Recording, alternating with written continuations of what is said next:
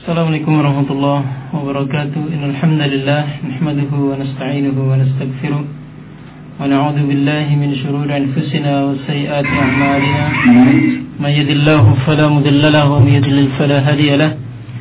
أشهد أن لا إله إلا الله وحده لا شريك له وأشهد أن محمدا عبده ورسوله وصلى الله عليه وعلى آله وصحبه أجمعين Alhamdulillah kaum muslimin pendengar suara yang berbahagia kesempatan malam hari ini Alhamdulillah kesempatan malam ini kita mendapatkan tamu dari tempat yang jauh.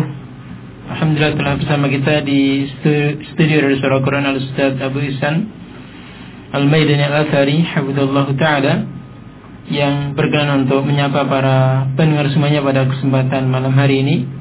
Mudah-mudahan beliau diberikan kesehatan dan diberikan barokah terhadap waktu dan kesempatan yang diberikan kepada kita semuanya. Dan di soal kesempatan malam ini kita akan membahas satu permasalahan yang mungkin ini tidak lepas dari setiap keluarga. Satu tema yang kita angkat ini ketika keluarga diambang perceraian dan bagaimana Islam melihat perceraian dan solusinya dan juga sebab-sebabnya. Dan untuk menyingkat waktu insya Allah kita persilakan kepada beliau untuk mulai materi kita pada kesempatan malam hari ini. Fadal Ustaz. Assalamualaikum warahmatullahi wabarakatuh. Waalaikumsalam warahmatullahi wabarakatuh. Alhamdulillah. نحمده ونستعينه ونستغفره ونعوذ بالله من شرور أنفسنا وسيئات أعمالنا من يهده الله فلا مضل له ومن يضلل فلا هادي له أشهد أن لا إله إلا الله وحده لا شريك له وأشهد أن محمدا عبده ورسوله. يا أيها الذين آمنوا اتقوا الله حق تقاته ولا تموتن إلا وأنتم مسلمون. أما بعد فإن أفضل الحديث كتاب الله وخير الهدي هدي محمد صلى الله عليه وسلم وشر الأمور محدثاتها وكل محدثة بدعة وكل بدعة ضلالة وكل ضلالة في النار Hadirin yang berbahagia para pendengar yang budiman Azani Allah wa iyyakum jami'an Alhamdulillah pada malam ini kita dapat bertemu di ruang ini dalam rangka saling tanasuh di antara kita saling berbagi ilmu, saling nasihat menasihati yang mana itu merupakan perintah agama kita. Wal asri innal insana lafi khusrin illa alladhina amanu wa 'amilus shalihat wa tawassaw bil haqqi wa tawassaw bis sabr. Mudah-mudahan pertemuan kita pada malam ini akan menghasilkan sesuatu yang bermanfaat bagi kita di dunia maupun di akhirat.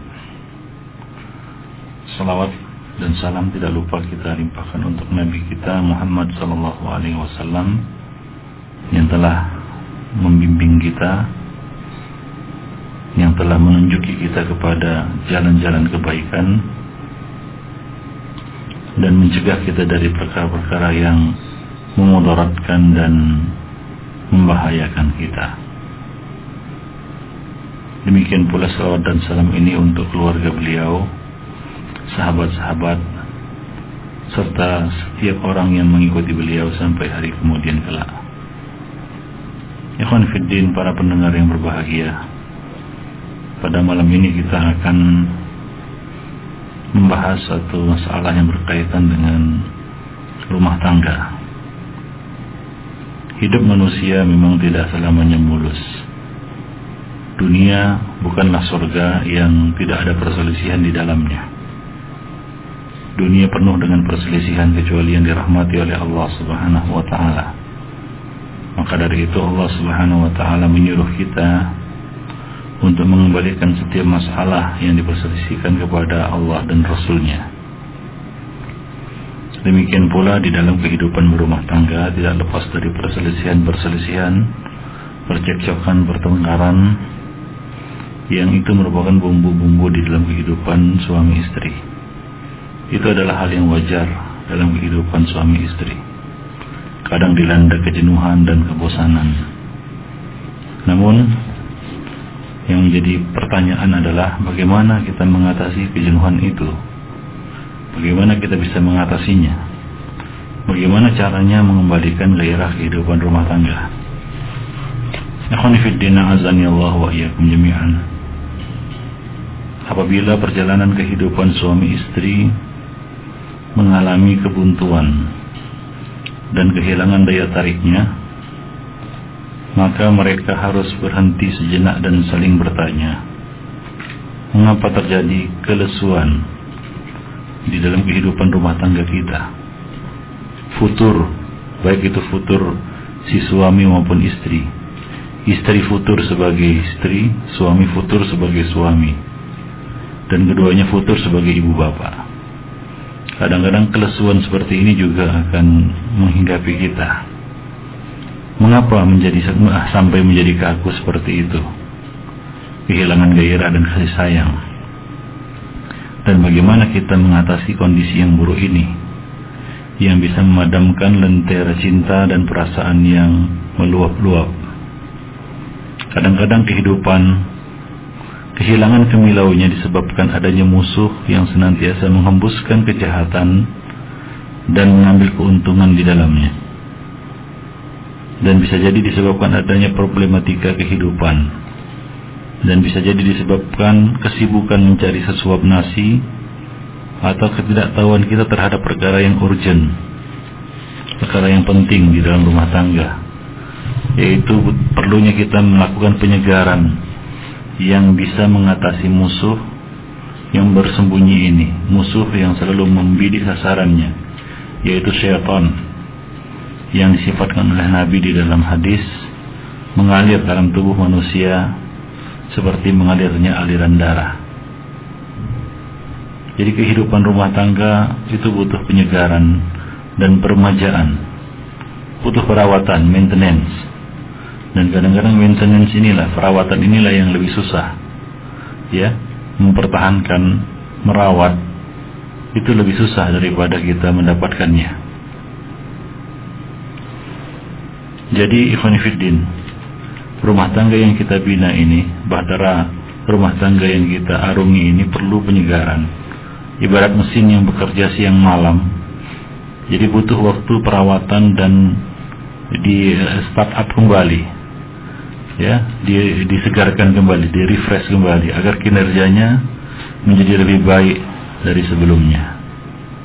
Nah, sesungguhnya seorang insan yang biasa menyantap makanan yang lezat setiap hari, walaupun makanan itu tergolong mewah, maka suatu hari kelak ia akan merasa bosan terhadap makanan tersebut dan dia menghendaki perubahan, pergantian.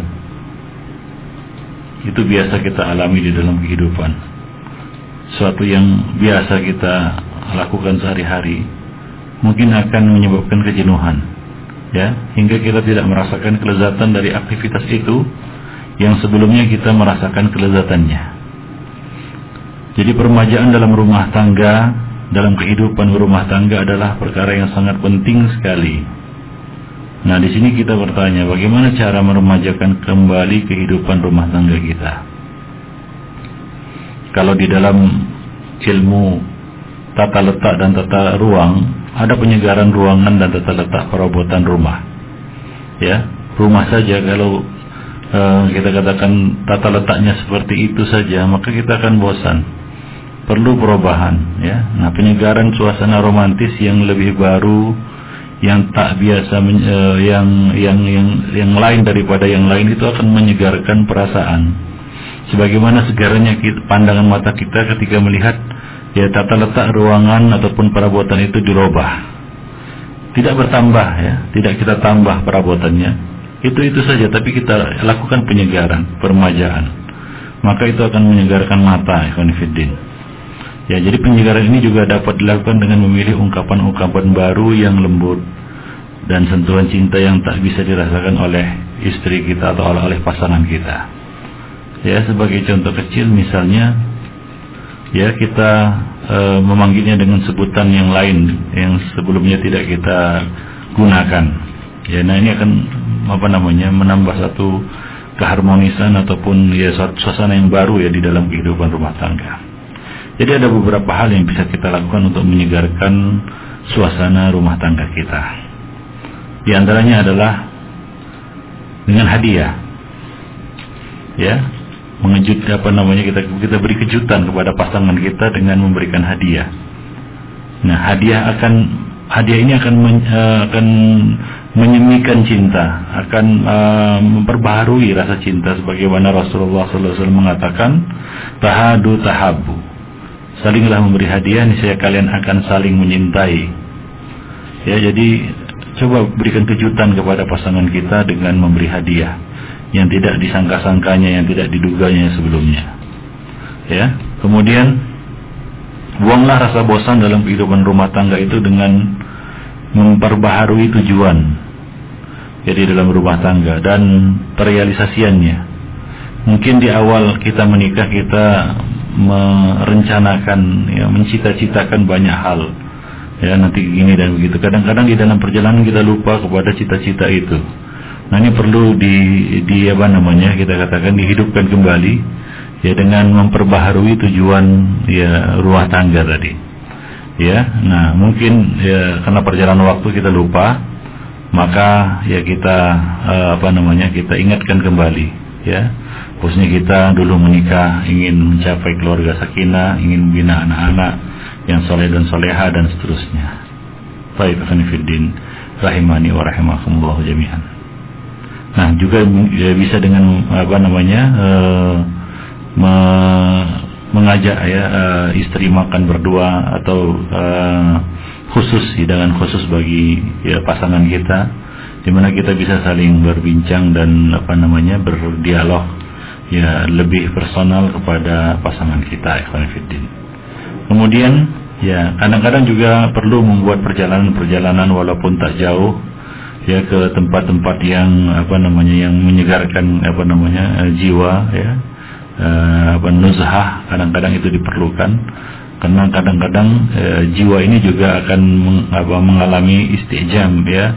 Artinya e, kepenatan ya kepenatan. Sebagaimana otot-otot kita juga kadang-kadang penat kalau kita melakukan kerjaan yang sifatnya rutin.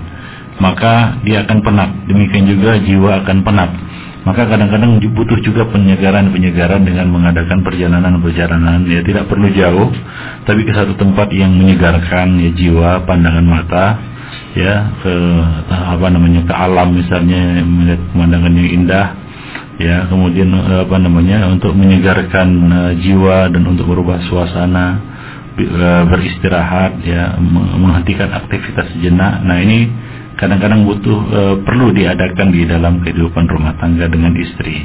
Mungkin dia juga jenuh ya dengan kegiatan-kegiatannya sebagai ibu rumah tangga mengurus anak, ya kemudian dia mengurus suami juga, mengurus rumah.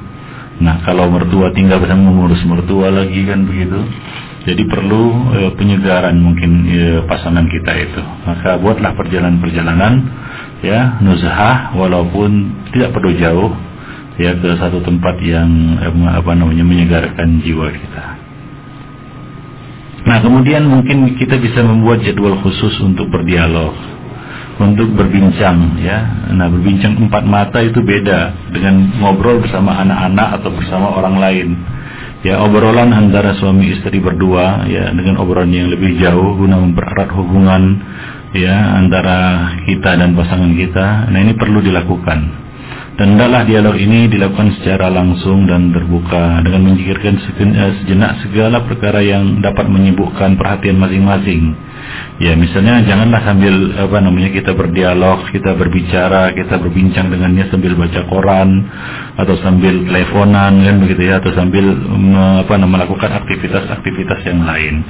Jadi memang uh, khusus ya berdialog ya ataupun berbincang dengan istri ya tentang apa namanya apa yang sudah dicapai, apa yang sudah dilakukan selama ini dan seterusnya.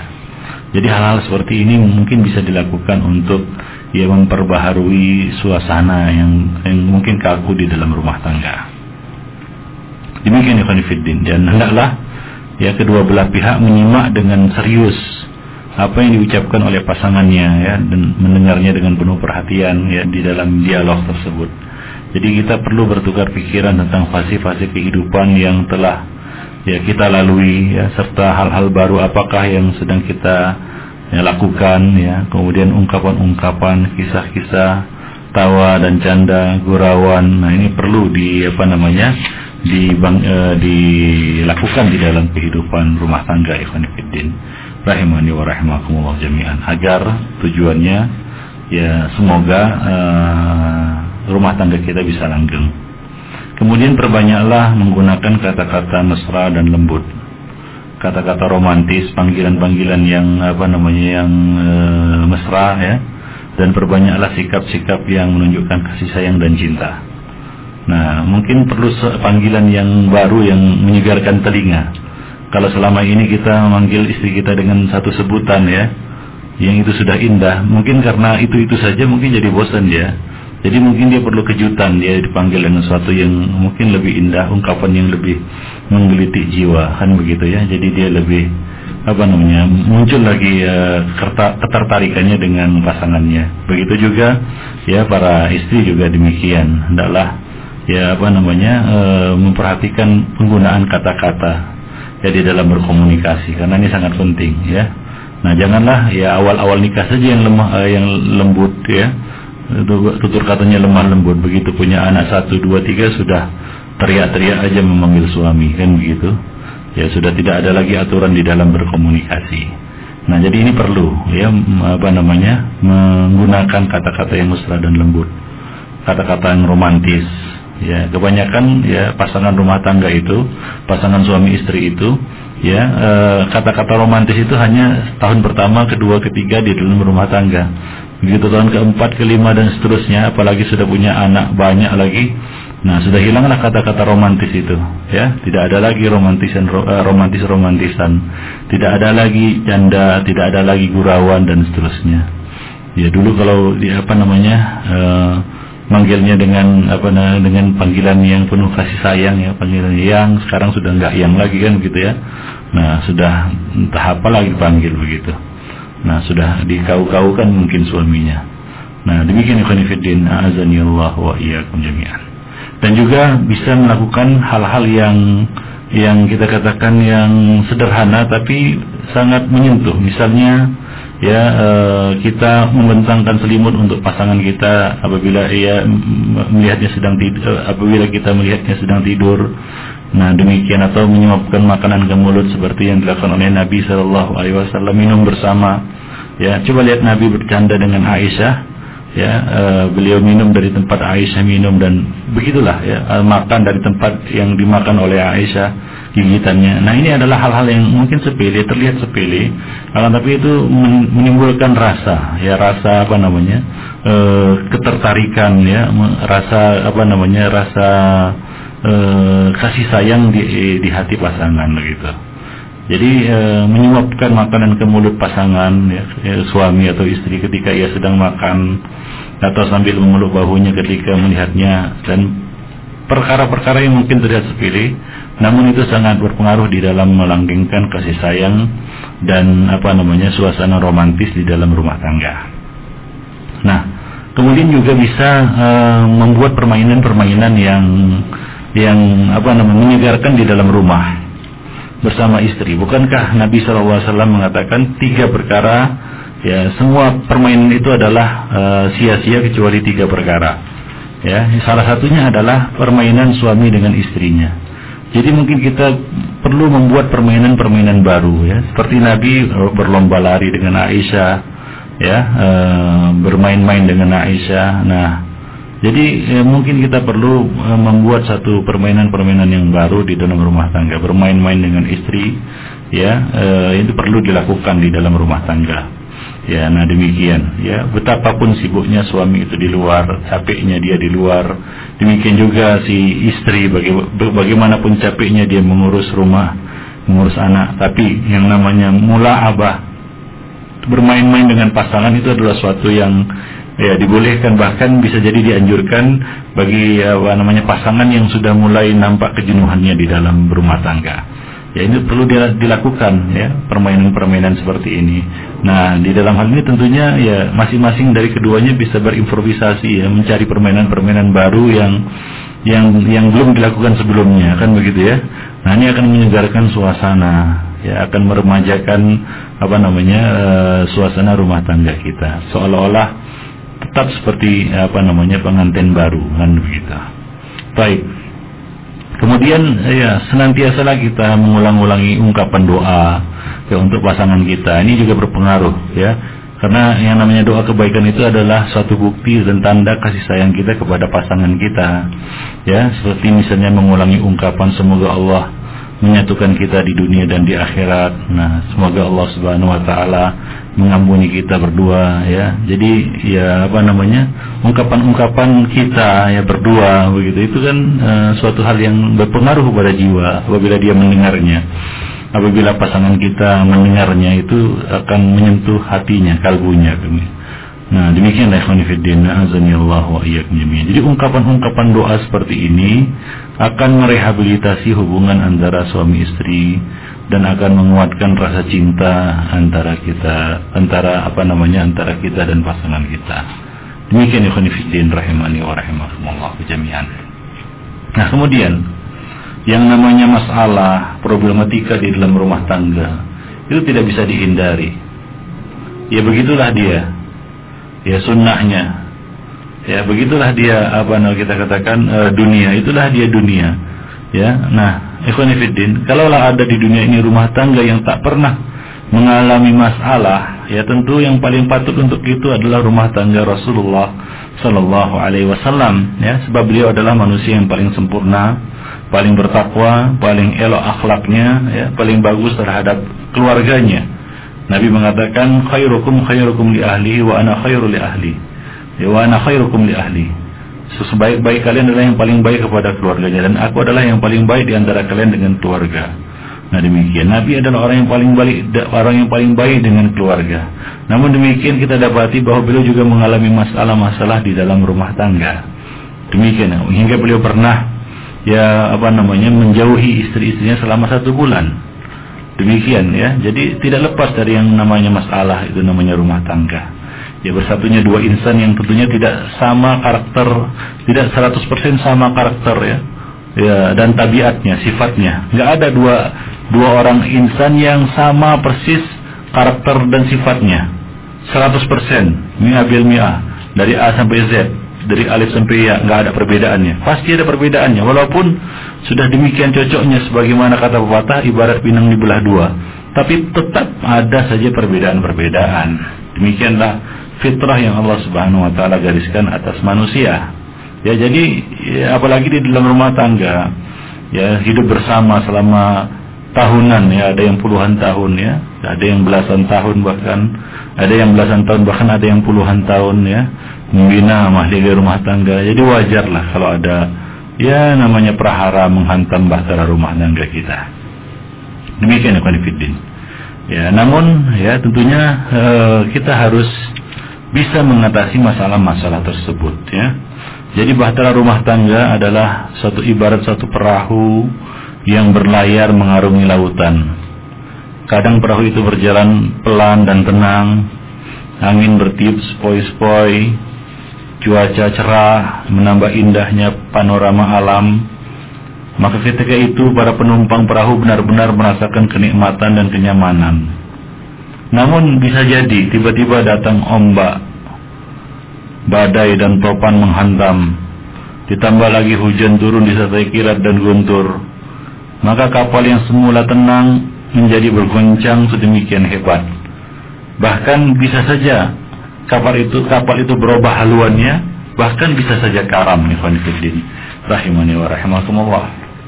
Namun apabila sang nakhoda mahir di dalam mengendalikan bahteranya ya pintar di dalam mengendalikan bahteranya dan kerja keras kena penumpang bahtera atau kapal itu untuk membantu sang nakhoda maka laju kapal itu bisa dikendalikan dan dikembalikan ke arah yang semula dan kapal itu bisa diselamatkan dari kekaraman ya dari ketenggelaman sehingga perjalanan dapat dilanjutkan selamat sampai ke tujuan.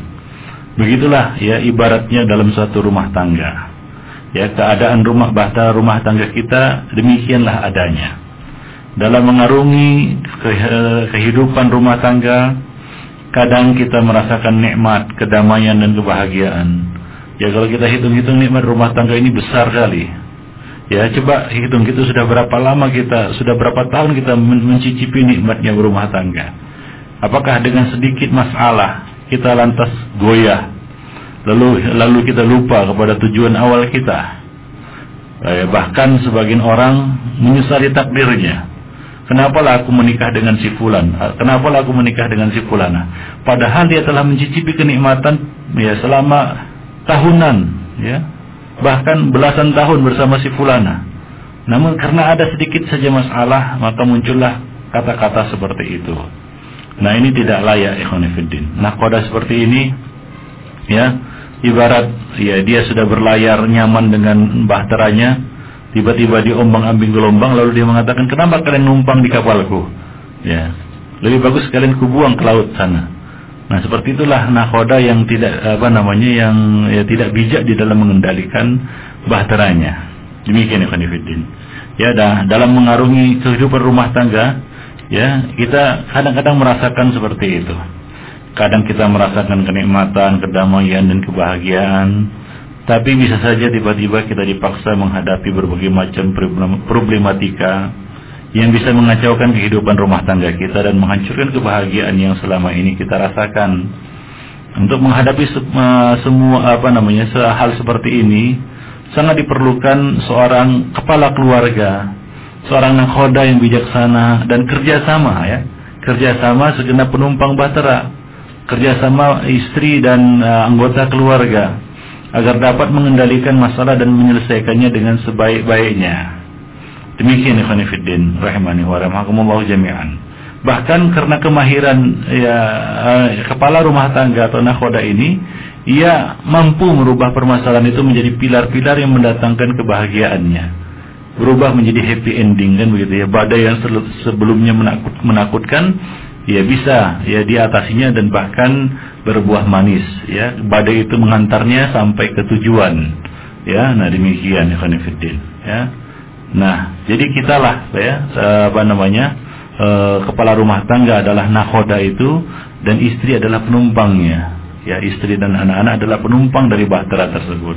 Jadi butuh kerjasama yang apik dan e, baik antara e, suami dan istri di dalam mempertahankan e, mahligai rumah tangga mereka. Baik. Jadi perselisihan antara suami istri adalah perkara yang biasa dan tidak mungkin dihindari.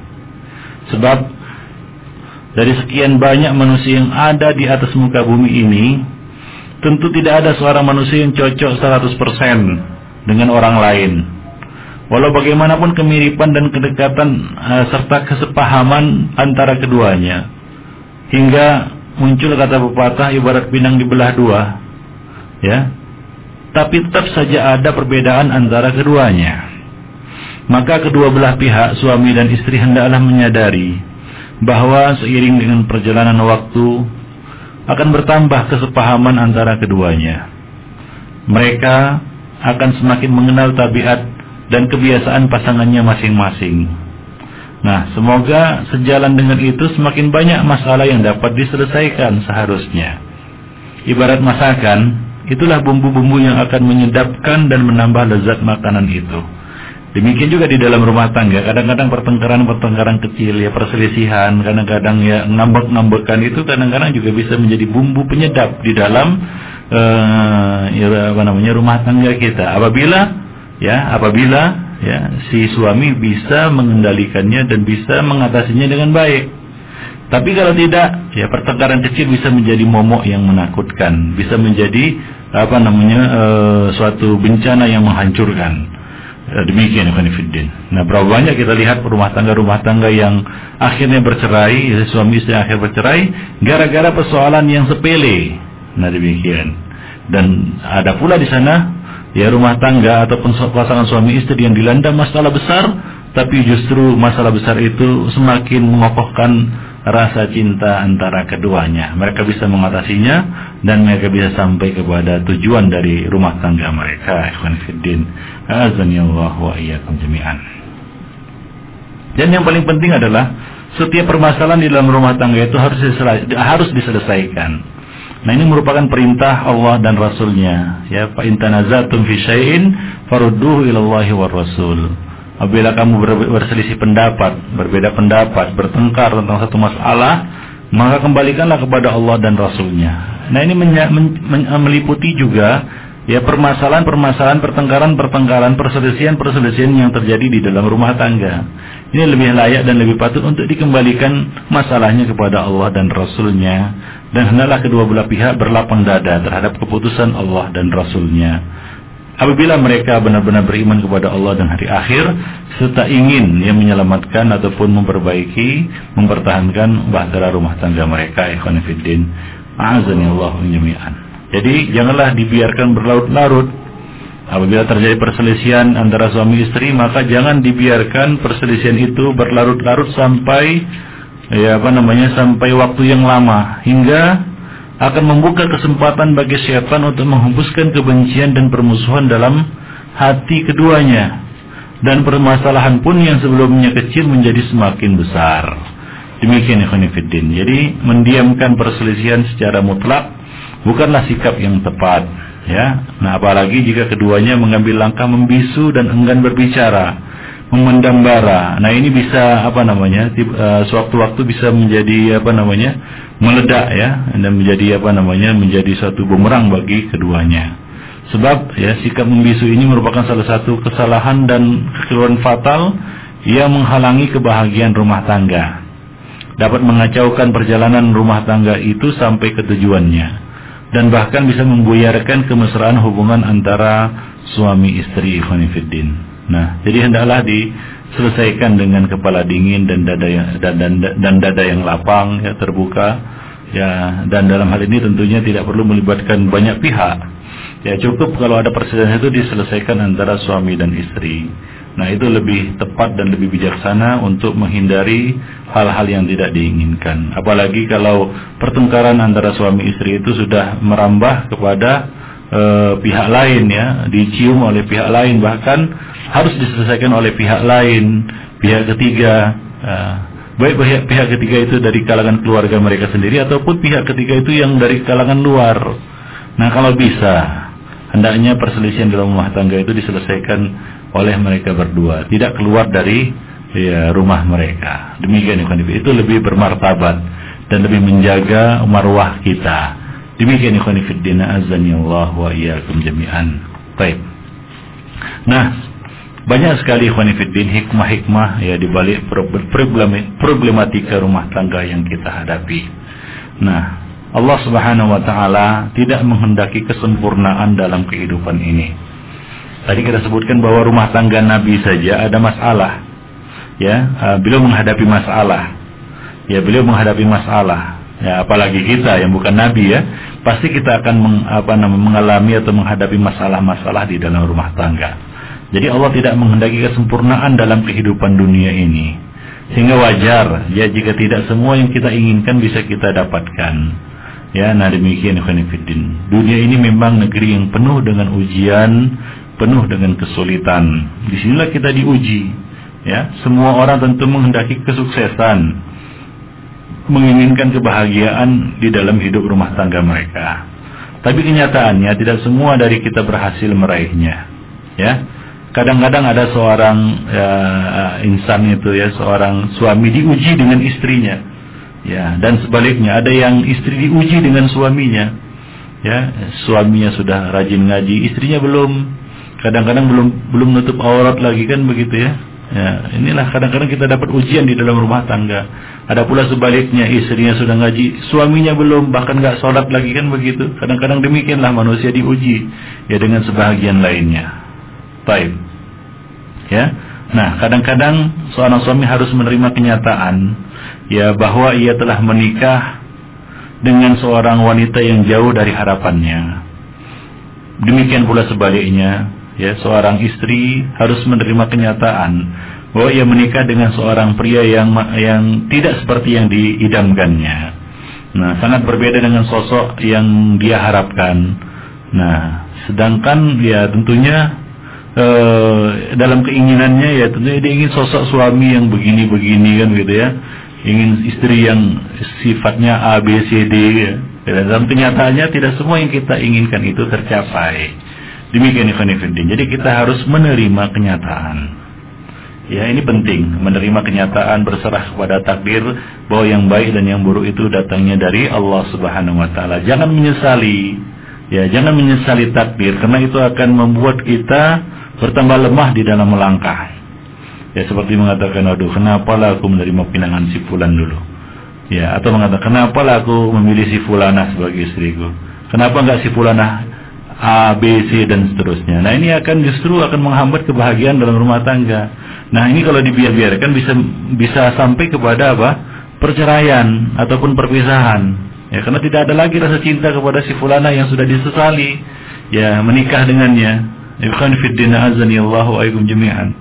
Ya kalau belum punya anak, kalau sudah punya anak kan anak-anak juga jadi korban ya dari perceraian tersebut. Ya dari apa namanya dari perpisahan antara kedua orang tuanya. Nah demikian ya ya sebaik eh, mungkin sebagian dari kita harus menerima kenyataan pahit. Ya menerima berbagai macam problematika ya masalah-masalah yang merobek-robek kebahagiaan rumah tangga kita.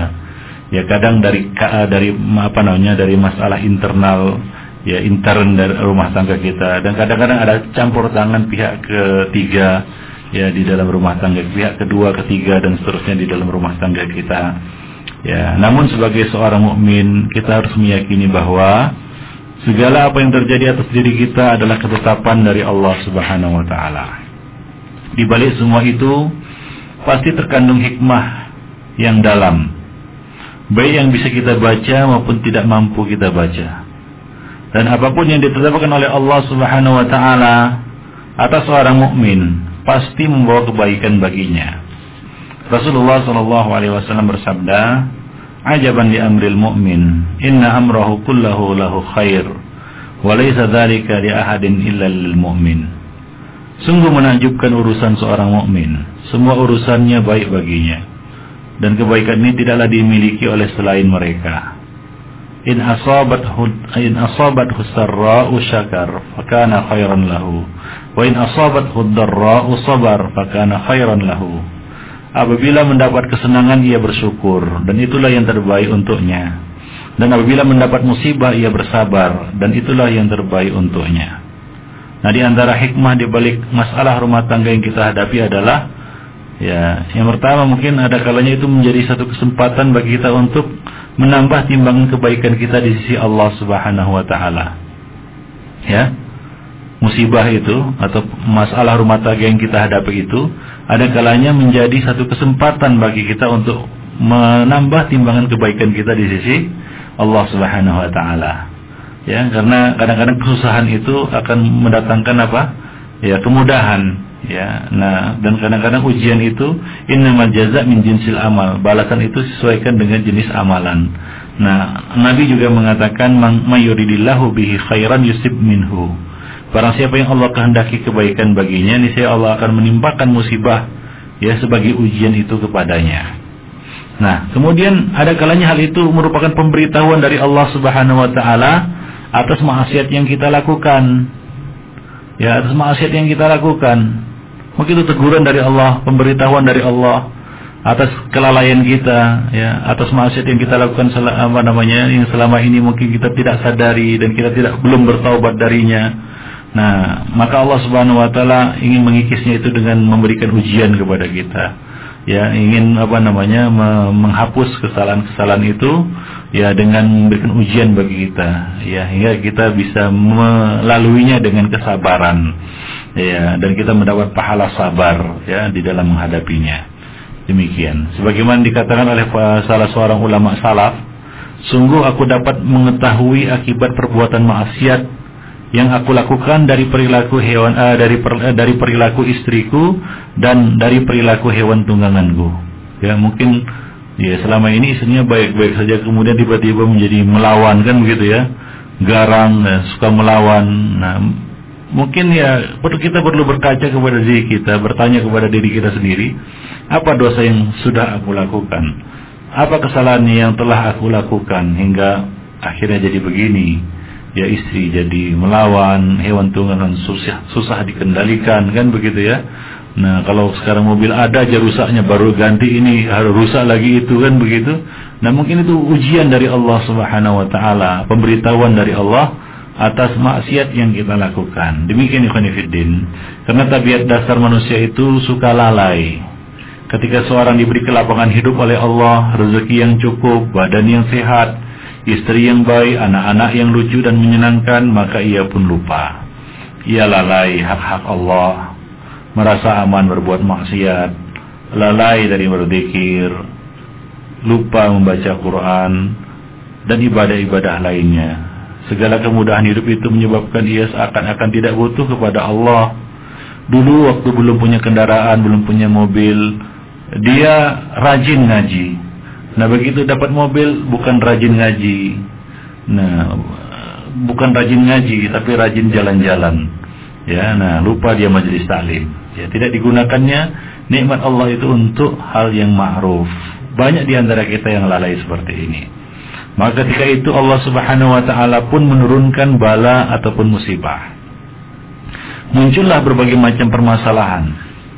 Istri yang biasanya lemah lembut berubah menjadi kasar. Anak yang biasanya anteng-anteng saja tiba-tiba menjadi beringas, menjadi liar. Rezeki yang sebelumnya lapang tiba-tiba seret dan lain sebagainya. Ini merupakan peringatan dari Allah Subhanahu wa taala sehingga hamba itu mau kembali kepada Allah dan merasa butuh kepada Allah Subhanahu wa taala. Nah, demikian ikhwan fillah, na'azani Allah jami'an. Oleh karena itu Rasulullah sallallahu alaihi wasallam memberikan sebuah wasiat yang berharga kepada kita. Rasulullah bersabda, "Ihfadillah tajidhu tajidhu amamak." Ta'arraf ila Allah fi raha ya'rifuka fi ya'rifuka fi siddah. Wa'lam anna ma akhta'aka lam yakun liyusibak wa ma asabaka wa ma asabaka lam yakun liyukhti'ak. Wa anna an-nasr ma'a sabr wa anna al-faraj wa anna ma'al usri yusra. Jagalah Allah, niscaya Allah akan menjaga dirimu.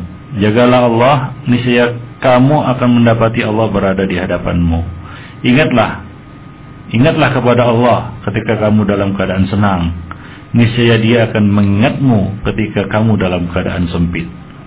Ketahuilah sesungguhnya apa yang ditakdirkan atasmu tidak akan mengenai dirimu eh, eh, sesungguhnya apa yang ditakdirkan tidak mengenai dirimu pasti tidak akan menimpamu. Dan apa yang telah ditakdirkan menimpamu pasti akan mengenai dirimu. Ketahuilah sesungguhnya dengan kesabaran akan datang pertolongan. Sesungguhnya di balik kesengsaraan itu pasti ada kesenangan. Dan di balik kesulitan pasti ada kemudahan. Demikian ikhwan rahimani wa rahimakumullah jami'an. Oleh karena itu, apabila terjadi masalah dalam rumah tangga, hendaklah kita memeriksa kembali hubungan kita kepada Allah dan bertobat dari maksiat yang kita lakukan serta memohon ampun kepadanya. Demikian ikhwan. Nah, boleh jadi juga permasalahan di dalam rumah tangga itu ya Allah Subhanahu wa taala ya menimpakannya kepada kita agar kita dapat memandang dunia dengan pandangan yang hakiki ya kita ingat lagi kepada Allah Subhanahu wa taala. Ya salah satu bukti kesempurnaan iman seorang muslim adalah ia meyakini bahwa tidak ada yang sempurna kecuali Allah Subhanahu wa taala. Terlebih lagi dalam kehidupan dunia ini tidak ada sesuatu pun yang sempurna. Sebesar apa pun kebahagiaan yang dirasakan oleh seorang insan, pasti tetap ada cacat dan kurangnya. Dan sebesar apa pun musibah yang menimpa seorang insan, pasti ada nikmat lain yang layak ia syukuri. Dunia adalah tempat kesusahan dan kesulitan. Sebagaimana makna dunia itu sendiri yaitu rendah, di dun ya, dun, dunia, itu rendah. Ya, rendah zamannya, rendah pula sifatnya. Ya dikatakan rendah zamannya karena dunia datang lebih dulu daripada akhirat. Jadi dunia itu jadi dunia di sini bermakna dekat. Adapun kerendahan dunia yang serba kurang, memang begitulah realitanya. Dunia ini pasti ya ada uh, penuh dengan kekurangan. Nah, di dunia ini hidup pasti diakhiri dengan kematian. Masa muda pasti diiringi dengan masa tua. Sehat pasti diiringi dengan datangnya sakit. Kegembiraan selalu diiringi dengan kesedihan. Kebahagiaan pasti diselingi dengan kepedihan. Kelabangan pasti diiringi dengan kesusahan. Dan pertemuan pasti diakhiri dengan perpisahan. Itulah dunia. Jadi semua keadaan ini jelas sangat berbeda dengan akhirat. Ya di dalam sorga seorang akan terus hidup dan tidak akan mati akan tetap muda terus tidak akan pernah tua, selalu sehat, tidak akan pernah sakit. Ya, mereka senantiasa merasakan kebahagiaan tanpa pernah mengalami kesusahan dan tidak ada rasa dengki, iri hati di dalam di dalam hati mereka dan mereka senantiasa mendapat kenikmatan dan, dan tanpa pernah merasakan penderitaan. Nah, itulah kehidupan surga. Nah, kita hidup di dunia sekarang ini penuh dengan masalah-masalah yang kita sebutkan tadi ya ada saja hal-hal yang apa namanya yang merusak ya, kesempurnaan yang kita idamkan itu demikian ikhwan fillah rahimani wa rahimakumullah jami'an oleh karena itu ya seorang yang memiliki pandangan basirah ketika ditimpa musibah dan berbagai macam problematika kehidupan rumah tangganya ia dapat memandang dunia ini dengan pandangan yang hakiki dan ia semakin merasakan manisnya negeri akhirat yang tidak ada kesusahan, tidak ada kepayahan, tidak ada perselisihan, pertengkaran di dalamnya. Maka mereka pun terus beramal demi meraih kebahagiaan di negeri akhirat. Nah demikian ikhwan fillah, azani Allah wa iyyakum jami'an. Nah untuk itu semua Allah Subhanahu wa taala kadang-kadang memberikan rasa itu melalui ya per, permasalahan lah. Problematika yang kita hadapi di dalam rumah tangga. Ya kita saat menjadi sadar bahwasanya dunia ini bukanlah terminal akhir kita cuma singgah dan akan melanjutkan perjalanan. Demikian ikhwan fillah. Baik. Kemudian terjadinya permasalahan ataupun pertikaian antara suami istri merupakan peluang untuk mengenali karakter pasangan kita. Apa saja yang ia sukai dan apa saja yang ia benci, bagaimana pola pikirnya, bagaimana tabiatnya, ya. Nah, apa saja yang ia sukai dan apa saja yang ia tidak sukai. Nah, jadi ini satu peluang sebenarnya untuk menyelami lebih dalam karakter pasangan kita. Jadi demikianlah ikhwan fillah rahimani wa rahimakumullah jami'an beberapa hikmah di balik problematika rumah tangga yang kita hadapi. Nah, kemudian ikhwan fillah rahimani wa rahimakumullah jami'an mengenai talak. Apakah setiap permasalahan rumah tangga harus diakhiri dengan talak? Ya. Dengan cerai? Allah Subhanahu wa taala telah menetapkan cerai sebagai satu solusi jalan akhir ya dan jalan keluar bagi sepasang suami istri yang telah sampai kepada perasaan benar-benar tidak sanggup lagi menjalani kehidupan rumah tangga secara bersama. Maka sebagai ganti daripada mereka hidup terus-menerus bersama, sementara mereka menduga tidak bisa menegakkan hukum-hukum Allah, maka Allah Subhanahu wa taala memberikan solusi kepada mereka untuk bercerai dan berpisah. Jadi cerai itu adalah satu jalan keluar, ya jalan akhir yang ditempuh dan tidak ada lagi jalan ya kecuali berpisah. Jadi bukan untuk menakut-nakuti ikhwanifiddin. Ma'azani Allah wa iyyakum jami'an, ya. Jadi agar masing-masing pihak mencari ya pasangan baru dan pengalaman baru pula dengan pasangan yang lain. Nah demikian. Baik fiddin, azani Allah wa iyyakum jami'an. Allah Subhanahu wa taala mengatakan wa iyyatafarraqa yughnillahu kullan min sa'atih wa kana Allahu wasi'an hakima. Dan jika keduanya bercerai, maka Allah Subhanahu wa taala akan memberikan kecukupan bagi kepada masing-masing dari eh, dari keduanya dari limpahan karunia-Nya dan Allah Subhanahu wa taala maha luas karunia-Nya lagi maha bijaksana. Namun apabila talak atau cerai itu menjadi cemeti siksaan di tangan seorang suami terhadap istrinya, maka ini merupakan hal yang tidak logis dan tidak bisa diterima. Ya, nah demikian. Ketika terjadi sebuah eh, problema dalam rumah tangga dan atau timbul pertengkaran dalam rumah tangga, suami langsung mengancam dan menjatuhkan talak. Akibatnya si istri hidup dalam kekalutan, ketakutan, tidak bisa tidur, tegang, ketakutan, terguncang dan kebingungan Ya, nah ini ini merupakan satu peringatan kepada apa namanya para suami yang menjadikan talak itu sebagai suatu permainan. Ya, nah permainan, ya main-main dengan kata-kata talak. Sikit-sikit dia melontarkan kata-kata kuceraikan kamu. Ya kadang-kadang ya apa namanya eh, dengan sedikit masalah masalah saja dia sudah mengancam istrinya dengan kata-kata yang seperti itu. Nah ini adalah suatu sikap yang tercela yang tidak bisa yang tidak bisa dibenarkan Ikhwanifiddin. Azani Allah wa iyyakum jami'an. Baik. Jadi ya apa nama Nabi juga mengatakan salatun jidduhunna jiddun wa jiddun an-nikah wa talaq wa raja'ah. Ada tiga perkara bila dilakukan dengan sungguh-sungguh ia akan menjadi sungguh-sungguh dan apabila dilakukan dengan main-main ia tetap menjadi sungguh-sungguh yaitu nikah, talak dan rojo. Demikian. Jadi janganlah ya, seorang suami itu bermain-main dengan apa?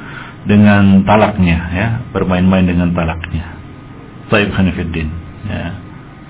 Ada seorang laki-laki datang menemui Ibnu Abbas ya dan berkata, "Sebenarnya aku telah menjatuhkan talak kepada istriku sebanyak 100 kali." 100 kali talak sekaligus. Mungkin saking marahnya dia kepada istrinya. Seratus kali talak deh sekaligus. Nah, bagaimana pendapatmu tentang masalahku ini katanya kepada, kepada Ibnu Abbas. Maka Ibnu Abbas menjawab, talak yang benar darimu sebanyak tiga kali. Ya, sedangkan yang 97 lainnya engkau telah menjadikan sebagai olokan terhadap ayat-ayat Allah Subhanahu wa taala. Jadi Ibnu Abbas memandang itu satu olok-olok terhadap ayat-ayat Allah Subhanahu wa taala. Mengolok-olok syariat Allah Subhanahu wa taala. Jadi janganlah dijadikan suatu bahan permainan talak ini ya. Karena ia adalah bukanlah suatu hal yang apa yang patut ya dijadikan sebagai bahan permainan ya. Nah, di tangan suami. Baik fiddin azani Allah jami'an. Kira-kira demikianlah pertemuan kita pada malam ini berkaitan dengan masalah apa namanya eh, rumah tangga. Mudah-mudahan ini bisa menjadi pencerahan bagi kita semua, menjadi ilmu yang bermanfaat dan apa namanya bisa kita amalkan di dalam kehidupan uh, rumah tangga kita. Nah, demikianlah qul qouli hadza wa astaghfirullah li wa lakum wa li sairil muslimin innahu huwal ghafurur rahim. Kita ke pertanyaan Ustaz dari beberapa pendengar kita. Nilai SMS dari pendengar kita di 643 jika seorang istri sudah tidak cinta dan selalu minta cerai Kemudian diadakan musyawarah dengan keluarga istri dan tetap pada pendiriannya sang istri. Kemudian suami menceraikan dan meminta kembali maharnya. Ini bagaimana hukumnya? Uh, berkaitan dengan mahar dia tidak boleh minta kembali mahar setelah dia menggaulinya ya. Setelah dia menggaulinya maka dia tidak boleh meminta kembali mahar itu. Mahar itu adalah satu pemberian ya nihlah yang telah dia serahkan kepada istri. Nah dalam hal ini Khonifuddin dia hendaklah seorang suami itu melakukan tahapan-tahapan yang telah disebutkan oleh Allah di dalam Al-Quran. Ya mulai dari dengan memberikan nasihat dengan kata-kata yang santun, dengan kata-kata yang apa namanya memberikan tegur kepadanya, yaitu e, sikap tegas dan terukur, ya sikap tegas yang terukur. Nah kepada istri Nah, kalau sudah e, demikian juga tidak berubah, maka lanjut kepada tahap berikutnya, yaitu dengan pisah ranjang, ya, tapi tanpa meninggalkan rumah, ya, tidak meninggalkan rumah, bukan minggat dari rumah, tapi pisah ranjang. Nah, nah, eh, sebagai satu hukuman batin kepada si istri, kalau misalnya dia tidak berubah, ya, dan tidak bisa tidak mau memperbaiki dirinya. Nah, jika tahapan itu juga nggak mempan, barulah tahapan yang terakhir, yang ketiga, yaitu dengan memberikan pukulan untuk bimbingan tanpa menyakitinya atau dengan pukulan yang tidak menyakiti. Ya, nah demikian. Kalau itu juga tidak, maka barulah tahapan yang yang paling akhir yaitu apa namanya mengumpulkan eh, pihak keluarga dari kalangan suami maupun istri kemudian membicarakan nah, kalau tidak ada kata sepakat maka ya mungkin perceraian adalah satu solusi yang bisa diambil di situ. Nah demikian. Mudah-mudahan Allah Subhanahu wa taala memberikan kelapangan dan karunia kepada masing-masing keduanya setelah bercerai. Wallahu a'lam bishawab. Adapun berkaitan dengan mahar, maka si suami tidak berhak untuk meminta kembali mahar yang telah dia berikan. Wallahu a'lam bishawab.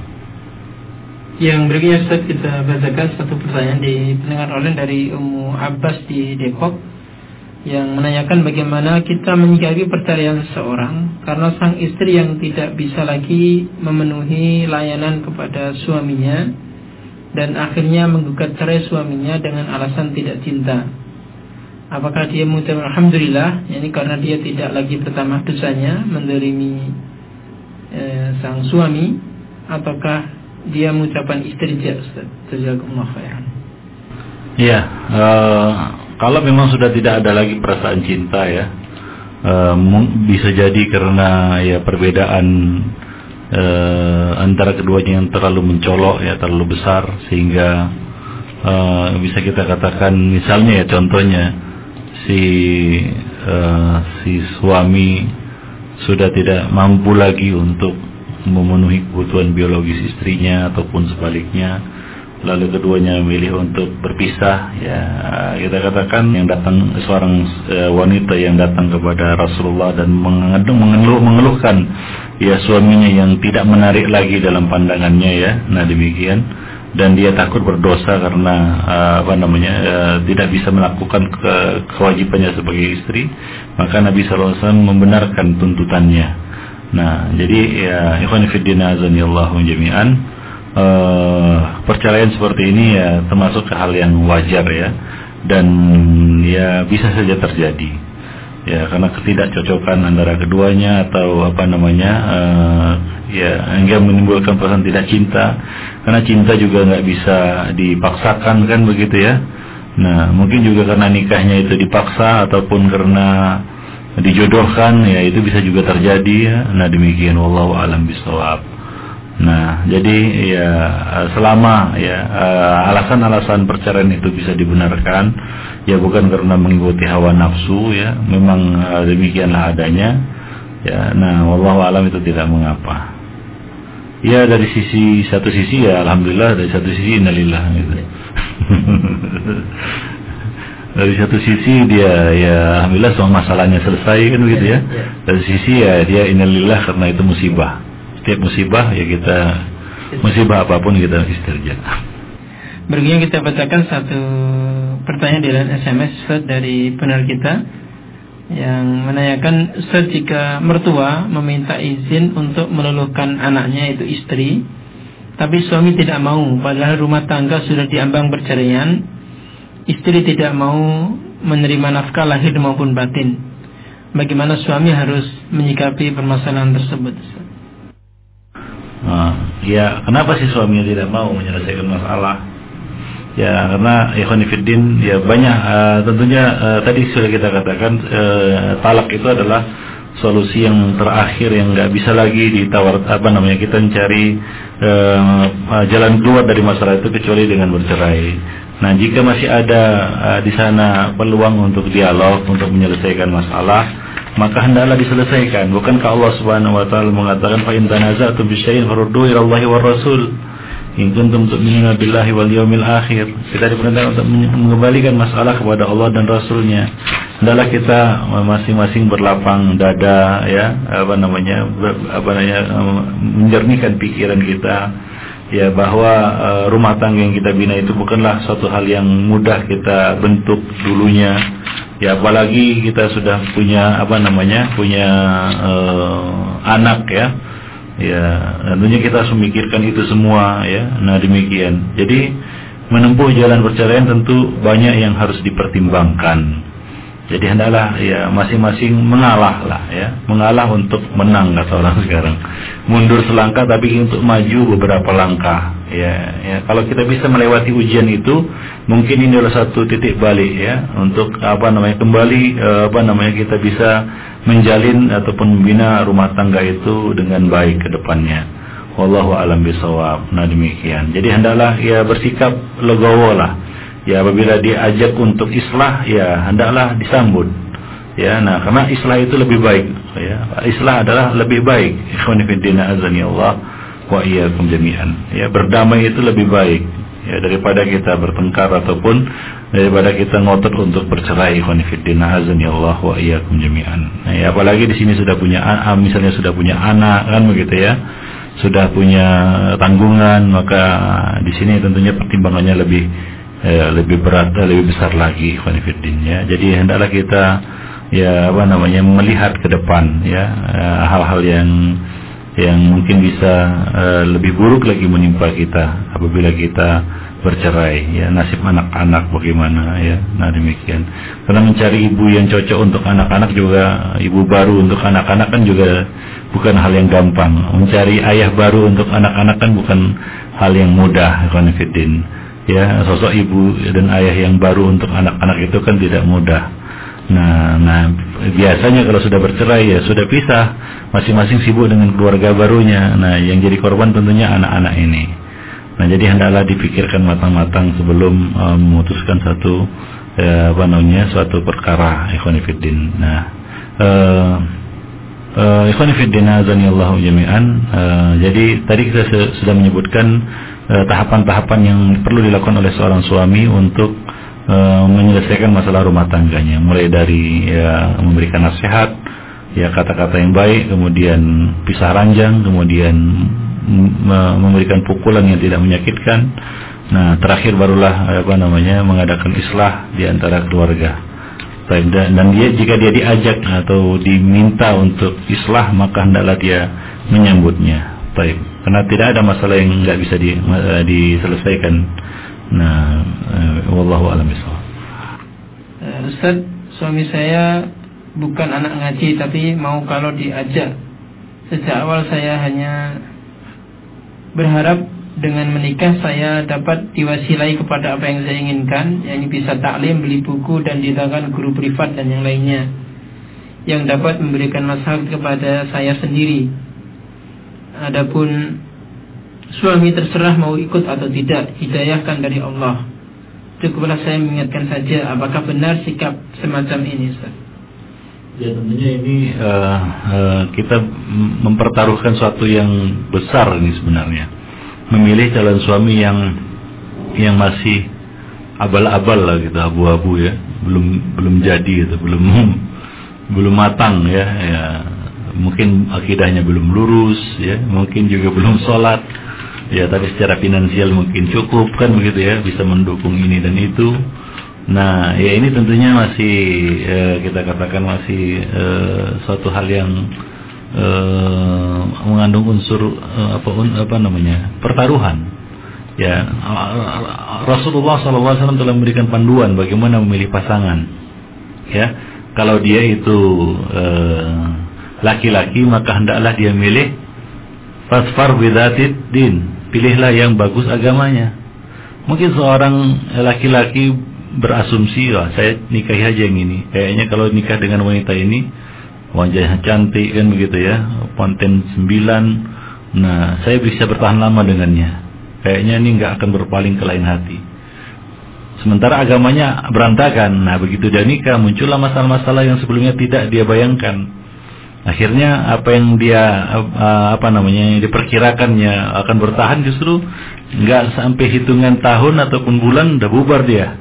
Nah demikian ikhwanifiddin nah, jadi uh, ikutilah apa namanya uh, pedoman-pedoman yang diberikan oleh Rasulullah SAW di dalam memilih dalam di dalam memilih pasangan. Yaitu pilihlah apa namanya wanita yang bagus agamanya Demikian juga kepada wanita dalam memilih laki-laki yang bagus agama dan akhlaknya. Ya, bagus agama dan akhlaknya. Apabila datang kepadamu orang yang ya, seorang laki-laki yang kamu sukai agama dan akhlaknya, maka nikahkanlah dia. Kalau tidak maka akan terjadi fitnah yang besar dan kerusakan yang meluas. Nah, demikian. Jadi hendaklah dia melihat sisi agamanya, akhlaknya bagaimana sebelum dia menikah. Nah kalau tapi kalau sudah nasi sudah jadi bubur kan begitu ya. Nah artinya begitulah dia dulu menikah tanpa mengikuti pedoman Nabi Shallallahu Alaihi Wasallam.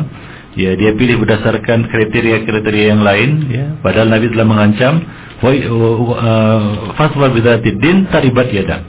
Pilihlah yang bagus agamanya. Kalau tidak kamu akan merugi, kamu akan menyesal. Nah kalau ada apa-apa di uh, di kemudian hari maka ya Janganlah salahkan siapa-siapa, itulah dia eh, apa namanya pertaruhan yang telah kita ambil, ya risiko ditanggung sendiri begitu. Nah demikian. Nah jadi hendaklah kita memilih pasangan itu mengikuti pedoman yang telah diberikan oleh Nabi Shallallahu Alaihi Wasallam. Nah, baik. Nah pernah satu ketika Imam Ahmad dihadapkan kepada dua orang perempuan ataupun wanita, ya kakak beradik, untuk dipilih salah satu dari keduanya. Tentunya tentunya dua-duanya nggak boleh ya sekali dua kakak adik kan nggak boleh digabungkan dalam satu uh, ikatan rumah tangga. Baik, maka Imam Ahmad bertanya kepada ibunya, apa pertanyaan Imam Ahmad? Siapakah yang paling alim di antara keduanya? Maka dijawab kakaknya yang kebetulan jelek kan begitu ya matanya siapa namanya uh, kita katakan uh, buta sebelah ya mana yang lebih yang yang lebih cerdas mana yang lebih alim nah maka dikatakan kakaknya yang jelek yang yang matanya apa namanya uh, buta sebelah maka Imam mengatakan nikahkan laku dengannya Nah demikian. Jadi Imam mau melihat, melihat dari sisi e, manfaatnya ya, melihat dari sisi faedah dan melihat maslahat ke depannya bagi anak-anaknya, bagi anak keturunannya ya. Nah demikian ya e, dan juga bagi agamanya. Nah jadi beliau memilih yang di samping bagus agamanya, ya beliau juga memilih yang alimah, yang alim kan begitu. Baik, jadi hendaklah kita memperhatikan faktor-faktor din ya sebelum kita melihat faktor-faktor lainnya. Wallahu alam bisawab dari penanya tadi yang menanyakan soal yang kedua bolehkah bersikap keras dan kasar jika suami lalaikan perkara wajib misalnya sholat dengan tujuan agar suami segera melaksanakannya ya tentunya uh, setiap amar ma'ruf nahi mungkar yang kita lakukan itu dengan hikmah ya ya tidak harus dengan kata-kata yang apa namanya kasar perlu ketegasan ya, tegas tapi terukur. Ya, istilahnya tegur, tegas tapi terukur begitu. Ya tidak berlebih-lebihan di dalam ucapan dan sikap ya. Nah demikian ya khanifuddin azani Allah wa iyyakum jami'an. Nah dalam hal ini tentunya ya dengan tidak men, apa namanya menyakiti perasaan ataupun mencederai badan ya, memberitahu pasangan kita untuk melakukan kewajiban seperti sholat misalnya Nah, Nabi SAW telah mencontohkan dalam ibadah sunat ya seorang e, wanita atau seorang istri yang memercikan air ke wajah suaminya supaya bangun mengerjakan sholat, yaitu untuk sholat-sholat sunnah ya, untuk sholat-sholat malam. Nah, tentunya untuk sholat fardu ya dibolehkan dengan cara seperti itu ya.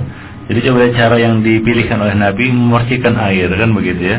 Bukan dengan memukulnya dengan sapu kan begitu ya atau menendangnya ataupun dengan kata-kata yang kasar dengan kata-kata yang uh, apa namanya yang tidak yang tidak baik ya tentunya itu akan uh, tidak akan menyelesaikan masalah ya nah demikian. Jadi hendaklah kita berikan nasihat agar dia mau melaksanakan kewajiban kewajibannya.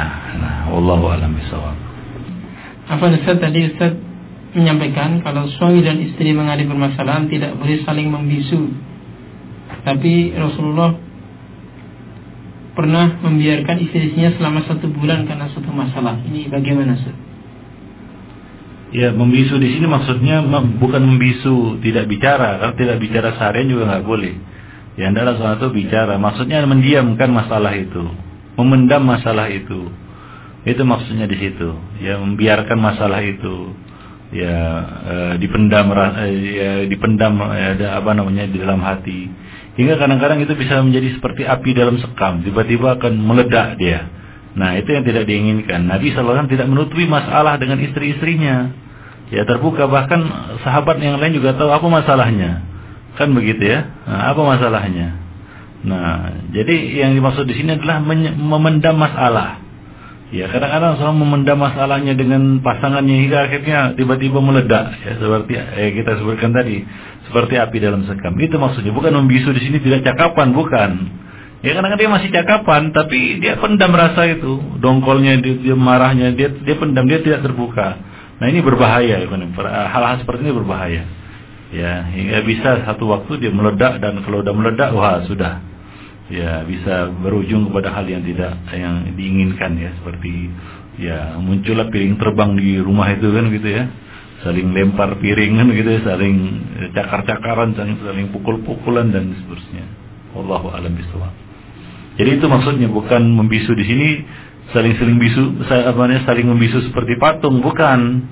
Ya tapi mendiamkan masalah itu mengundang merasa hingga ya apa namanya uh, ya tiba-tiba bisa meledak ya ataupun uh, sewaktu-waktu bisa meledak ya, hal uh, demikian emosinya wallahu alam. Yang berikut kita bacakan masih ada beberapa pertanyaan bagaimana jika seorang istri menolak untuk dijima oleh suaminya dengan alasan anak-anak masih kecil dan juga pertanyaan lain tentang kenapa saya sulit untuk menyampaikan kepada suami jika ada permasalahan. Ya, tidak boleh seorang suami eh seorang istri menolak ajakan suaminya ya. Ya, walaupun dia berada di atas tungku ataupun di atas pelana. Jadi dalam artinya dalam kondisi bagaimanapun seorang istri harus melayani suami, kecuali dalam kondisi dia itu haid ya.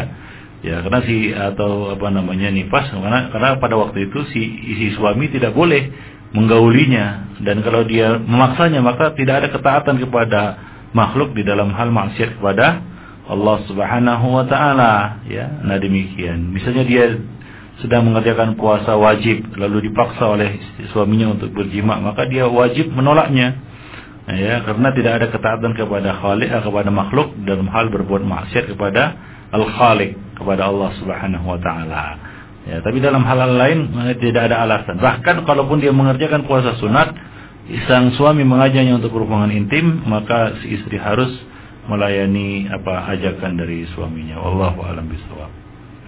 Untuk tadi seorang istri yang susah untuk menyampaikan kepada suaminya jika ada permasalahan. Ya, ini mungkin uh, faktor uh, apa namanya ya kita katakan faktor uh, uh, seorang punya tabiat atau karakter atau sifat dia tidak bisa mengungkapkan ya apa bahasa apa namanya kemampuan verbalnya kurang ya hingga dia tidak bisa berkata-kata nggak bisa keluar apa yang ingin diungkapkannya nggak bisa terungkap dalam bentuk kata-kata. Nah dalam hal ini mungkin dia dia perlu orang lain untuk membantunya.